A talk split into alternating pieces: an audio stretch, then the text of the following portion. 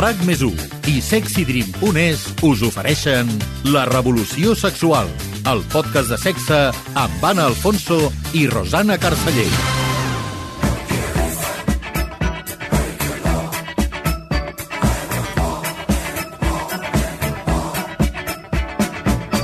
Els òrgans sexuals femenins són encara avui força desconeguts i una de les parts que sovint costa de situar és la cèrvix. La cèrvix és el coll uterí, el petit canal molt estret que uneix la vagina amb l'úter. Se l'ha anomenat punt C i es diu que els orgasmes que provoca, que es diuen orgasmes de cèrvix o orgasmes cervicals, poden arribar a ser molt plaents. Avui parlem de l'orgasme de cèrvix amb Emma Ribas, doctora en psicologia i sexòloga clínica, i amb Marta Galobardes, fisioterapeuta, especialista en sexualitat. Marta, Emma, benvingudes a la Revolució Sexual. Moltíssimes gràcies, un plaer de nou estar aquí. Gràcies per convidar-nos. Doncs ho hem explicat bé, això. Aviam, Marta, què és la cèrvix? Com ho explicaries perquè tothom ho entengui? Mira, la cèrvix és la porció fibromuscular eh, inferior de l'úter. Té una forma cilíndrica, una miqueta ovalada, cònica i comunica, com heu dit, a l'úter amb la vagina. Um, és exclusiu del sexe biològic femení, és a dir, si has nascut amb genitals masculins, en principi no n'hauries de tenir. Um, la forma i el tamany varien depenent del, del, del moment del cicle en el que estiguis i també de l'edat i de si has parit o no has parit. Val? Normalment té uns 3-4 centímetres de llarg, eh, pot ser més curtet, pot ser més llarg, i uns dos i mig de diàmetre. I té, la sensació és que quan, quan el toquem, mm, té sensació com si toquessis la punta del nas, és una miqueta així com... Cartilaginós. Com cartilaginós, sí, però més tubet una Mhm. miqueta, aquesta sensació. I llavors el revestiment produeix el moc cervical i també, depenent del moment del cicle en el que estem, el moc canvia i la densitat del moc eh, ens, ens pot orientar en el quin moment del cicle estem. I això que has dit que canvia de mida segons l'edat i el moment del cicle, es fa més gran amb l'edat, per exemple, o, o com va? S'obre una miqueta, Val? Normalment, um, depèn de l'edat, depèn del to també muscular que hi hagi i llavors uh, pot estar com més obert o més tancadet. El seu seria que estigués tancat perquè està tancat per intentar evitar um, infeccions, problemes i a més a més pues, que ens quedem embarassades si no hi ha aquest moment. Es pot fer alguna cosa per mantenir-lo tancat o és una cosa que no pots fer-hi res? Clar, per exemple, amb embarassades sí que a vegades el cusen una miqueta si hi ha problemes d'incompetència de, de coll d'úter eh, en el moment de... mentre estàs tenint l'embaràs, no? I llavors eh, sí que el cusen, però si no, no passa res, que estigui una miqueta més obert, eh, en realitat. Eh, Emma, és correcte dir-ne punt C d'aquest punt, no?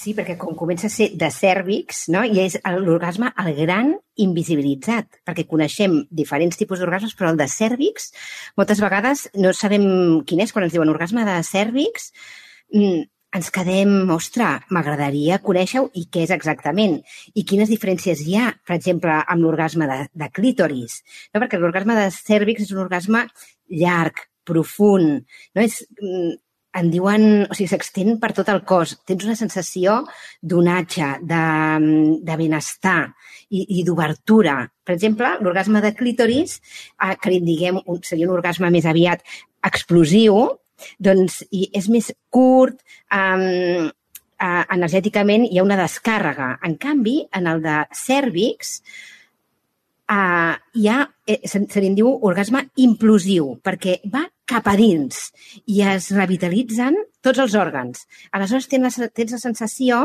com d'una obertura, un onatge, um, et deixa una, en un estat de molt de relax i obertura cap a, cap a tu i cap a l'altre, no? com si volguessis més i més.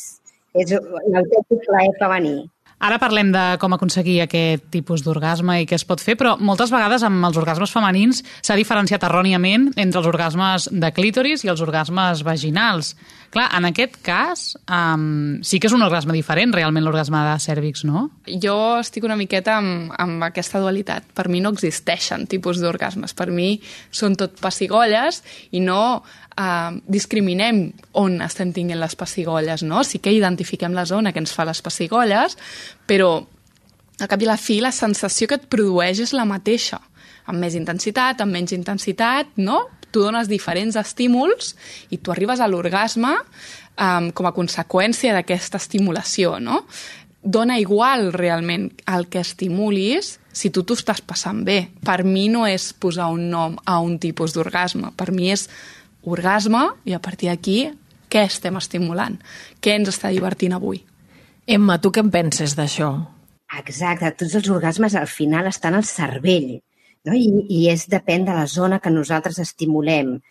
I, mm, per exemple, si estimulem la zona del pit, dels pits, podem tenir orgasmes no? a través d'aquestes sensacions també. Uh, depèn de l'àrea que estimulem del nostre cos, per això li, li diguem l'orgasme de cèrvix, no? perquè estimulem aquesta zona de, del cèrvix i també moltes vegades mentre estimulem el cèrvix també s'està estimulant d'altres zones com pot ser el clítoris a la vegada, que es poden tenir conjuntament. Aleshores, eh, sí, com diu la Marta, depèn de la zona que estimulis, el que passa que, eh, per entendre'ns, doncs diem, diferenciem, no? Doncs la zona que estem tocant és la del clítoris, doncs diguem de clítoris. Si la zona que estem eh, tocant o estimulant és la, la zona dels cèrvix, de la cèrvix, doncs en diem orgasme de cèrvix. I sí que la diferència que hi ha és, és això, no? La, la, en el cas del clítoris, és un tipus d'orgasme explosiu, i en el cas de mm, que aquesta seria la gran diferència també, en el cas del cèrvix és implosiu, que va cap a dins, l'energia va cap a dintre i es revitalitzen doncs, tots els òrgans. Tu deies ara, eh, Emma, que es pot estimular la cèrvix. Com es fa això? Com s'aconsegueix? Fixeu-vos, l'úter és el gran invisibilitzat en el cas de la dona i de, de les um, persones amb genitals uh, amb vagina no? i amb úter. És el gran invisibilitzat. No, no, moltes vegades ni, ni sabem on està, on no connectem amb l'úter i vivim molt sovint amb l'úter amb tensió. Quan tenim tensió en aquesta zona és més difícil que es doni aquest tipus d'orgasme. Necessitem temps, necessitem no presses, necessitem relax, calma i activar el nostre plaer, perquè així, no, quan nosaltres també comencem a connectar amb el, nostre úter a través d'algunes pràctiques concretes, eh, ens ajudarà que l'úter es vagi flexibilitzant. Per això tenim aquest problema moltes vegades de moltes persones que tenen problemes doncs, de cistitis intersticial, no? com um, síndrome de la bufeta dolorosa, no? moltes vegades venen de, del tipus de penetració que fem. Perquè fixeu-vos, com no, tampoc no hem rebut massa educació sexual i que hem rebut bé molt donada pel porno mainstream, tenim eh, en l'imaginari, en l'inconscient col·lectiu, a, es fem, acabem fent unes penetracions molt ràpides, no? que a vegades la dona no acaba de, o la persona imagina no acaba de tenir um, el suficient desig, o s'acaben de fer, fent penetracions en, no, la vagina no acaba de ser ella que absorbeixi el penis o el dildo o perquè hi ha un desig o un, unes ganes d'absorció, sinó que hi ha un apretar, un apretar i forçar. Per això ens trobem a les consultes, estan tan plenes de disfuncions sexuals com disparèunia, que és durant la penetració, vaginisme, que és la, la, la meva vagina diu el no, que jo no he sigut capaç de dir. Per això és tan important que hi hagi una reeducació perquè puguem descobrir aquest orgasme eh, de cèrvix i la reeducació passa per eh, escoltar-nos més, a connectar més amb el nostre úter, fer pràctiques eh, per flexibilitzar-lo i eh, per deixar que, que sigui la nostra vagina la que vulgui, la que absorbeixi, doncs, per exemple, si és un, en el cas que sigui un penis, doncs un penis, i, que, i deixar que sigui el penis que quan entra doncs jo em pugui fer un massatge a la zona de la meva cèrvix. Aleshores, quan jo em faig un massatge de cèrvix, l'ideal és no anar a buscar l'orgasme. No? L'ideal és viure tot el procés en plaer. I si jo em faig un automassatge, aquí és molt fàcil que jo mateixa, amb el moviment doncs, de rotació, amb el, amb el penis o amb el dildo que jo estigui utilitzant, doncs pugui acabar tenint un orgasme de cèrvix. És, és, és la conseqüència de tot aquest procés de, de plaer. Un automassatge, aviam, perquè estàs dient coses que ens estan generant alguns dubtes, un automassatge de cèrvix, mm, com, com es pot arribar a fer-se? Perquè mm, suposem, per tot això que estàs dient, que aconseguir l'orgasme de, de cèrvix no té a veure amb la mida del penis o de la joguina que es faci servir, eh, sinó amb un altre tipus de pràctiques. I tu has parlat precisament del massatge o automassatge de cèrvix. Com s'arriba a, a això, Emma? Doncs hi ha, per exemple, en el cas de que sigui un penis, doncs eh, la el gland no, és el que massatgeja i sobretot jo quan m'estic quan m'estic movent mentre hi ha la penetració. Jo m'estic fent l'automassatge, jo mateixa, amb el meu moviment i el penis està erecte dins meu.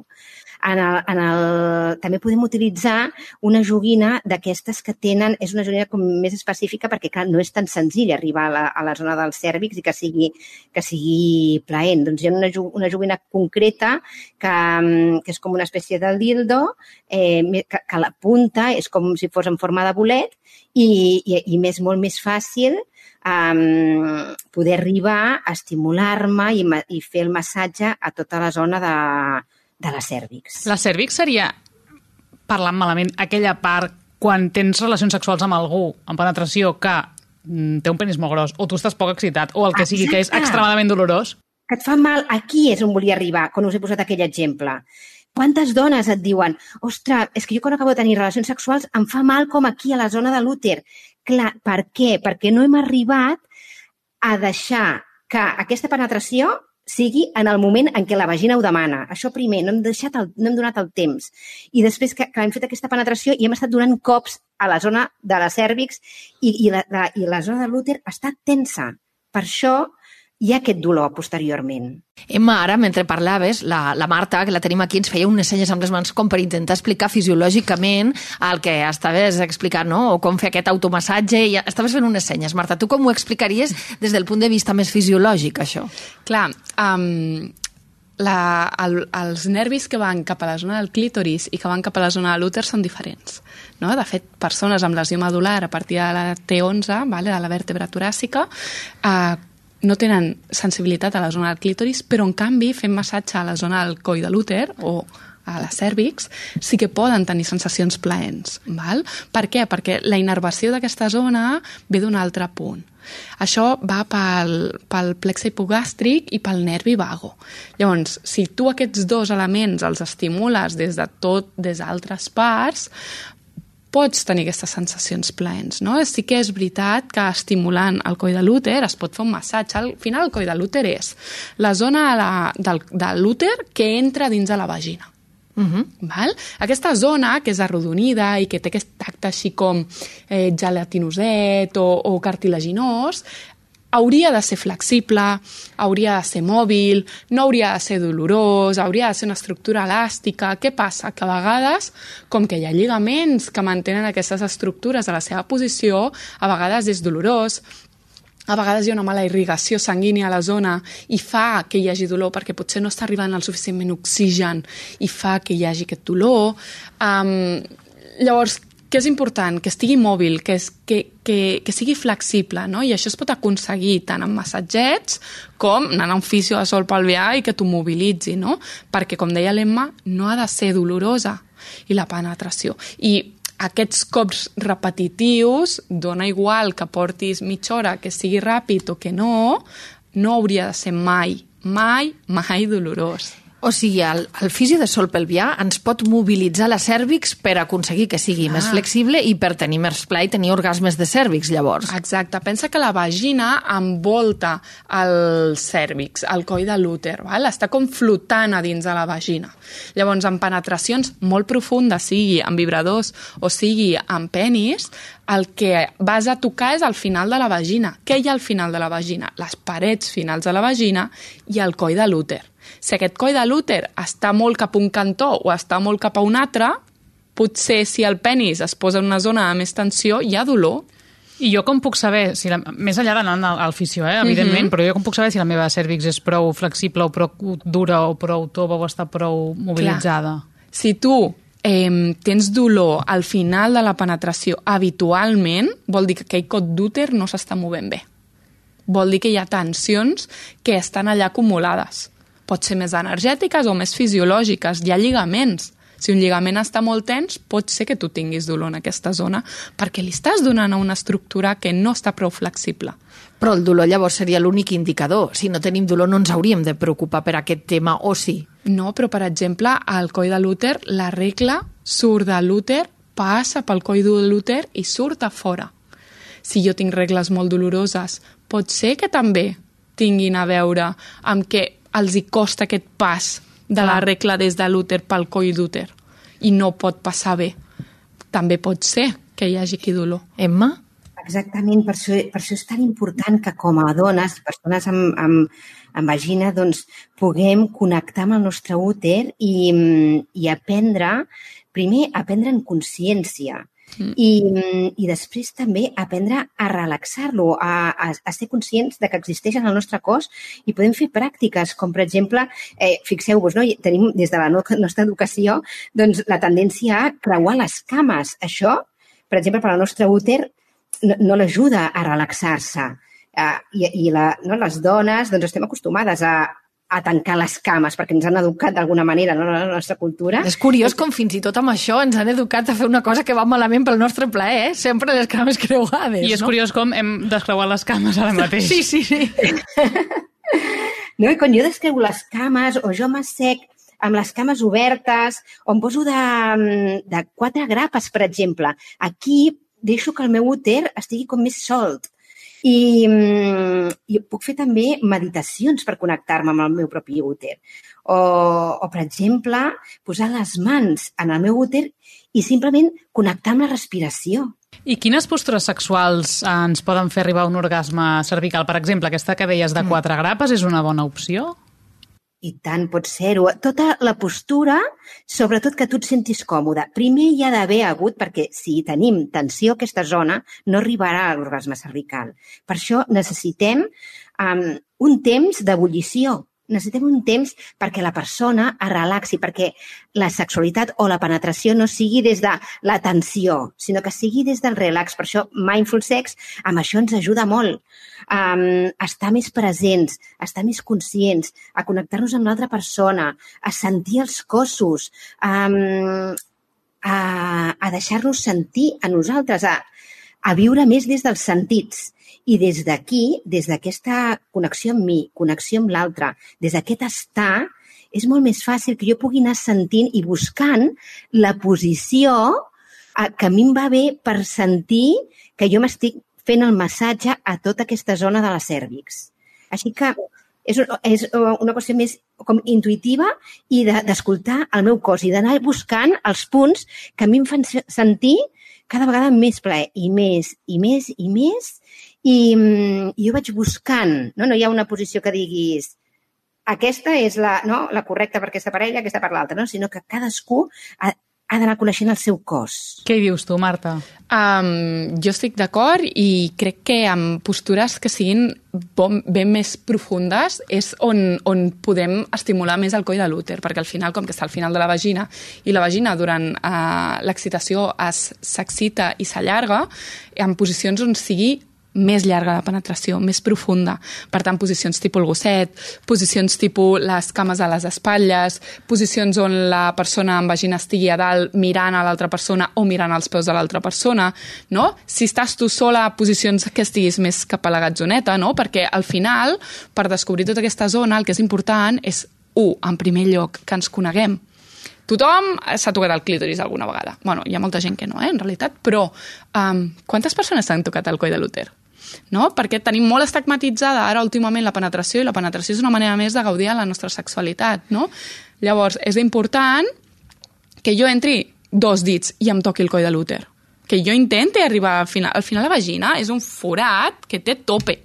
Que ens pensem que a vegades el que entra dins de la vagina ens entrarà fins al coll. I no té tope i és important reconèixer aquest tope. Per què? Perquè el nostre, el nostre cervell també sàpiga que això existeix, que quan jo tingui més, més representació d'aquesta zona i de la nostra vagina i del nostre sol pelvià i del nostre clítoris i hi hagi més representació a nivell cerebral, hi haurà més probabilitats que jo m'exciti més i de donar més plaer a aquestes estructures i que l'orgasme que es produeix al cervell tingui més estímuls de més zones al mateix temps. Per tant, l'orgasme serà molt més llarg si tu estimules el clítoris, la vagina, el coll de l'úter a la vegada que si no més estimules una part i una zona i no et coneixes i el teu cervell no entén què és el coll de l'úter. No? Els estudis diuen que les dones que tenen dolor a la penetració, a l'introducció de qualsevol cosa dins de la vagina, són dones que no s'exploren, que no s'han conegut, que no han entrat els dits a la vagina, que tenen por pel que sigui i que potser tenen altres problemes, no? Uh -huh. Però t'has de tocar, t'has de mirar, Sí, has comentat una cosa molt interessant, Marta, que és la representació mental, i això és clau. No? O sigui, també el buscar imatges de l'úter, i del coll de l'úter. I la palpació també del coll de l'úter i de, i de l'úter en general. Tu pots tocar el baix ventre just per sobre el pubis uh -huh. i tens la zona... Estem les tres tocant-nos ara, com suposo que les el huesito, Tu busques el huesito que tens uh, al pubis, val? tirant just al món de Venus, que és on hi ha el pèl de la zona púbica, allò és el món de Venus. Just a sobre amb aquest greixet tu palpes i hi ha un huesito, val? Uh -huh. a la zona més baixa. Aquest huesito és el pubis. Just per sobre del pubis trobem i palpem l'úter i la bufeta, perquè estan tots molt junts, sí? L'úter cau just a sobre la bufeta. Uh -huh. Llavors, hi ha moltes dones que, per exemple, descobreixen que durant el sexe, si els hi apreten el baix ventre, tenen més plaer perquè tenen més plaer, perquè estàs tocant l'úter, perquè estàs donant estímuls a través de la panxa i com que estàs pressionant aquest úter i aquest coll d'úter estan baixant una miqueta més a la zona de la vagina i tens més estímuls també amb la mateixa penetració. I què més podem fer, Marta, per tenir un orgasme de cèrvix, de coses pràctiques? Va, doncs, per exemple, um, intentar millorar el circuit de la recompensa, no? Pues, eh, com es fa això? Hormones guais que puguin revolucionar i que puguin ajudar a arribar a l'orgasme es, es poden aconseguir fent exercici físic, la succió dels mugrons, fent coses que ens agradin, no? Per què? Perquè l'exercici físic, per exemple, millora la irregularitat irrigació de la zona pèlvica, la consciència de l'alliberació de substàncies facilitadores de l'orgasme, eh, potenciar estímuls que ens donin plaer i que el nostre cervell estigui associant tot això amb el plaer fa que sigui més fàcil arribar a l'orgasme, a divertir-nos, no? i que potenciem tot allò que ens agrada, que ens posa, que ens excita. Per què?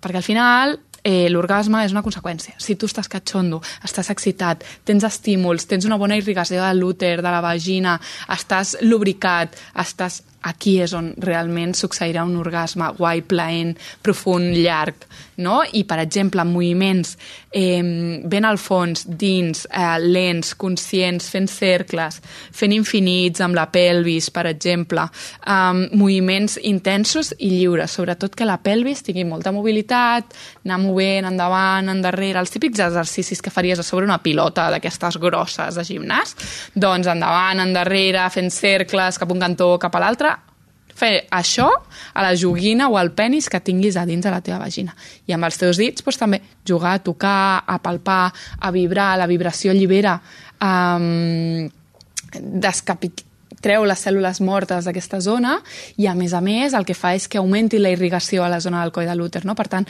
la vibració del vibrador al fons al coll de l'úter ajuda a que tinguis més estímuls en aquesta zona i a que augmenti la representació a nivell del cervell i a que tu et diverteixis més. I com a joguines, quines diries? Joguines, per exemple, eh, vibradors que siguin simples, que no tinguin com dos peces o una part que va cap al clítoris, sinó aquests que són com una sola peça llarga. Um, si tenen vibració guai perquè arribes fins al final i uh, tens aquest punt de la vibració, o vibradors que potser no tenen vibració però que tenen una ventosa a la base i llavors que, per exemple, tu, tu pots posar a terra una taula, una algun lloc que sigui més o menys rígid, eh? que no ho fiquis a sobre la tele i carreguis la tele, um, que ho posis sobre una taula, per exemple, i que des d'allà, amb la ventosa i la joguina clavada, tu tinguis mobilitat per jugar i per tenir mans lliures per donar més estímuls a altres parts, no? que podrien ser els mugrons, el clítoris. Has parlat de la masturbació i de l'autoexploració. Uh mhm. -huh. I has parlat de la postura de la gatzoneta. Les millors postures, ja que estem dient que és tan important conèixer-nos, les millors postures per explorar l'orgasme de cèrvix i la mobilització de la cèrvix amb la masturbació, quines seria? La, la gatzoneta és una de les millors? Són postures on tu tinguis la, la zona del maluc molt cap a tu, és a dir, que el genoll estigui molt pròxim cap a les teves espatlles. Per què? Perquè és el punt on, on el coll de l'úter és més baix. Llavors, per exemple, quan tu t'has d'explorar o treure una copa, gent que té problemes per treure's la copa menstrual, si tu et poses a la gatzoneta, aquest espai es fa més curtet. Llavors, tu tens més possibilitats de tocar amb les teves mans al coll de l'úter. Sí? De fet, hi ha moltes dones que, per exemple, em diuen és que no em surt la copa. I és que la copa s'ha ficat agafant el, el coll, coll de l'úter. Mm. Això quan fa buit, quan es queda enganxada, és perquè ha passat això? Moltes vegades pot ser que sigui això. Llavors, clar, nosaltres desfem el buit i traiem la copa. L'estructura aquesta que queda sota és el coll de l'úter. Sí? I això és fàcil de tocar si tens la distància més curta i aquesta distància s'escurça quan tu et poses les cames més cap a tu.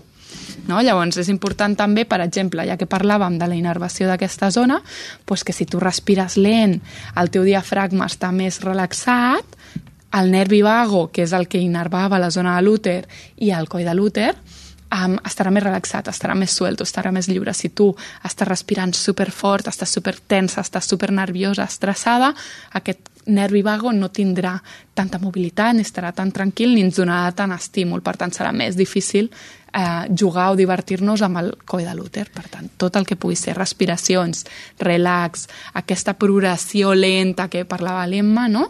Um, viure-ho des, de la, des de la relaxació, des de relaxar el sistema autònom fa que tinguem més possibilitats de gaudir del coll de l'úter. Crec que volies afegir alguna cosa, Emma? Ah, sí.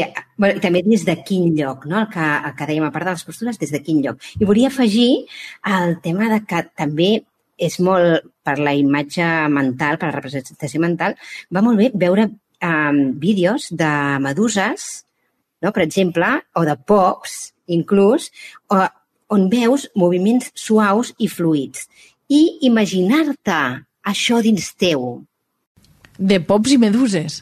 Exacte, perquè al final el moviment, aquest moviment suau i fluid és el que té el nostre, tota aquesta zona del, del coll de l'úter um, és el que acaba succeint quan està relaxat. Per això, quan jo en la, no puc veure alguns vídeos, algunes imatges d'això, de meduses, per exemple, això m'ho puc intentar visualitzar com si fos el, tota aquesta zona del meu úter, per tal de relaxar la zona. Uh -huh. bueno, I d'imitar potser aquest onatge o, o imitar com contraccions la de contraure, no? relaxar del, de la zona del, de l'úter de moviment suau, fluid, imaginant-te'l dins teu. Perquè en realitat la clau perquè succeeixi l'orgasme de, de cèrvix és a, a, que, el, que l'úter estigui relaxat. Aleshores, tot el que ens ajudi a això farà que l'orgasme de cèrvix es pugui donar independentment de, de la postura. Hem parlat de l'orgasme de cèrvix amb Emma Ribes, doctora en psicologia i sexòloga clínica, i amb Marta Galobardes, fisioterapeuta especialista en sexualitat. Gràcies a totes dues per aquesta estona amb la revolució sexual. Moltíssimes gràcies, un plaer. Gràcies. La revolució sexual, amb el suport de sexydream.es. Amb sexydream.es, el sexe no té tabús. Descobreix joguines eròtiques per a tothom, kits eròtics per compartir, llançaria i una pila d'idees sexis i atrevides per innovar i gaudir del sexe com mai.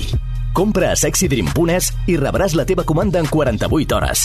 No esperis més i obre la porta al plaer amb sexydream.es.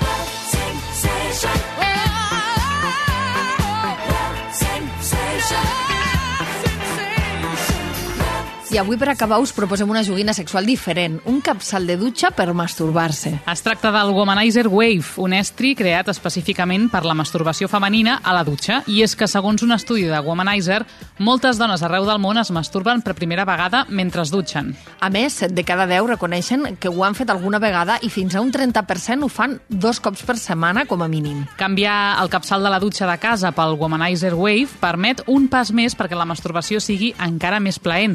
Es pot ajustar la potència de l'aigua, el ritme i té tres rajos d'aigua diferents. I amb aquesta proposta, com sempre, us desitgem salut I bon sexe.